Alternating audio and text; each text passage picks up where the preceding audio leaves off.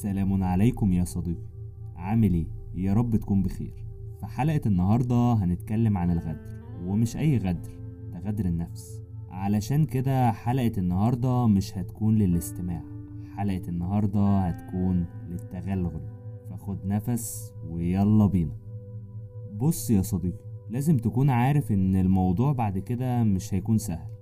أنت دلوقتي في المرحلة الأصعب. في الحلقة اللي فاتت اللي كانت بعنوان من أنا كنت قلتلك إن بعد ما هتعمل معاهدة سلام بينك وبين نفسك هتكون لسه برضو الحرب ما انتهتش. وهنا أنت بتقابل المصطلح الشهير الحرب خدعة. وبتقابله face to face كمان. ونفسك هنا قادرة إنها توقعك في حفرة كبيرة. أنت خلاص بتكون مطمن إنك مضيت معاهدة السلام فبتبدأ تمشي في طريقك بسرعة وبدون قلق وبدون تفكير حتى في إمكانية استخدام المكبح. نظرا لاحتمالية وجود حفرة. فتعال أقولك بقى الحفرة دي فيها إيه وهتقع فيها إزاي. يكش تاخد حذرك وتأمن على مكابحك.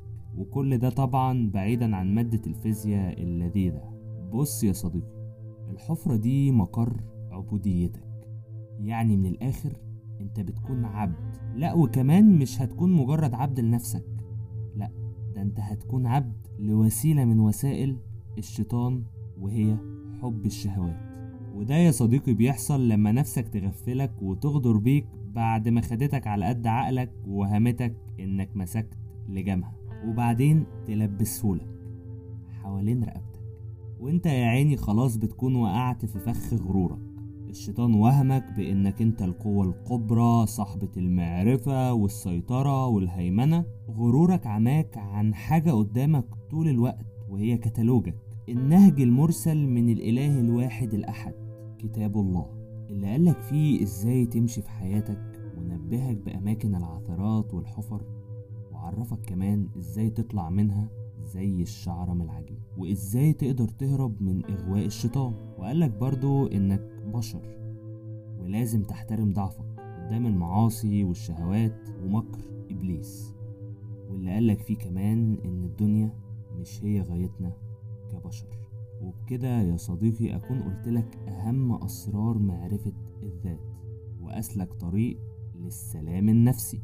وما تنساش يا صديقي إن الحياة جنة للكافر وسجن للمؤمن.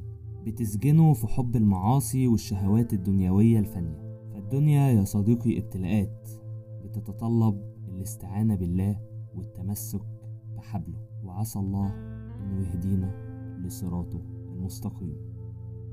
وبكده يا صديقي نكون وصلنا لنهاية حلقتنا النهاردة وأتمنى إنها تكون ساعدتك في رحلتك وأرشدتك لوجهتك. فما تنساش بقى تدعم بسيط الغلبان اللي بيتعب معاك قوي ده بال rate وال subscribe وتكتب review برأيك في الحلقة وترشحها لصديق محتاج يسمعها. وإنت كنت بتسمع بودكاست بسيط اللي بيقدمه محمد أبو العينين وسلام الله عليكم.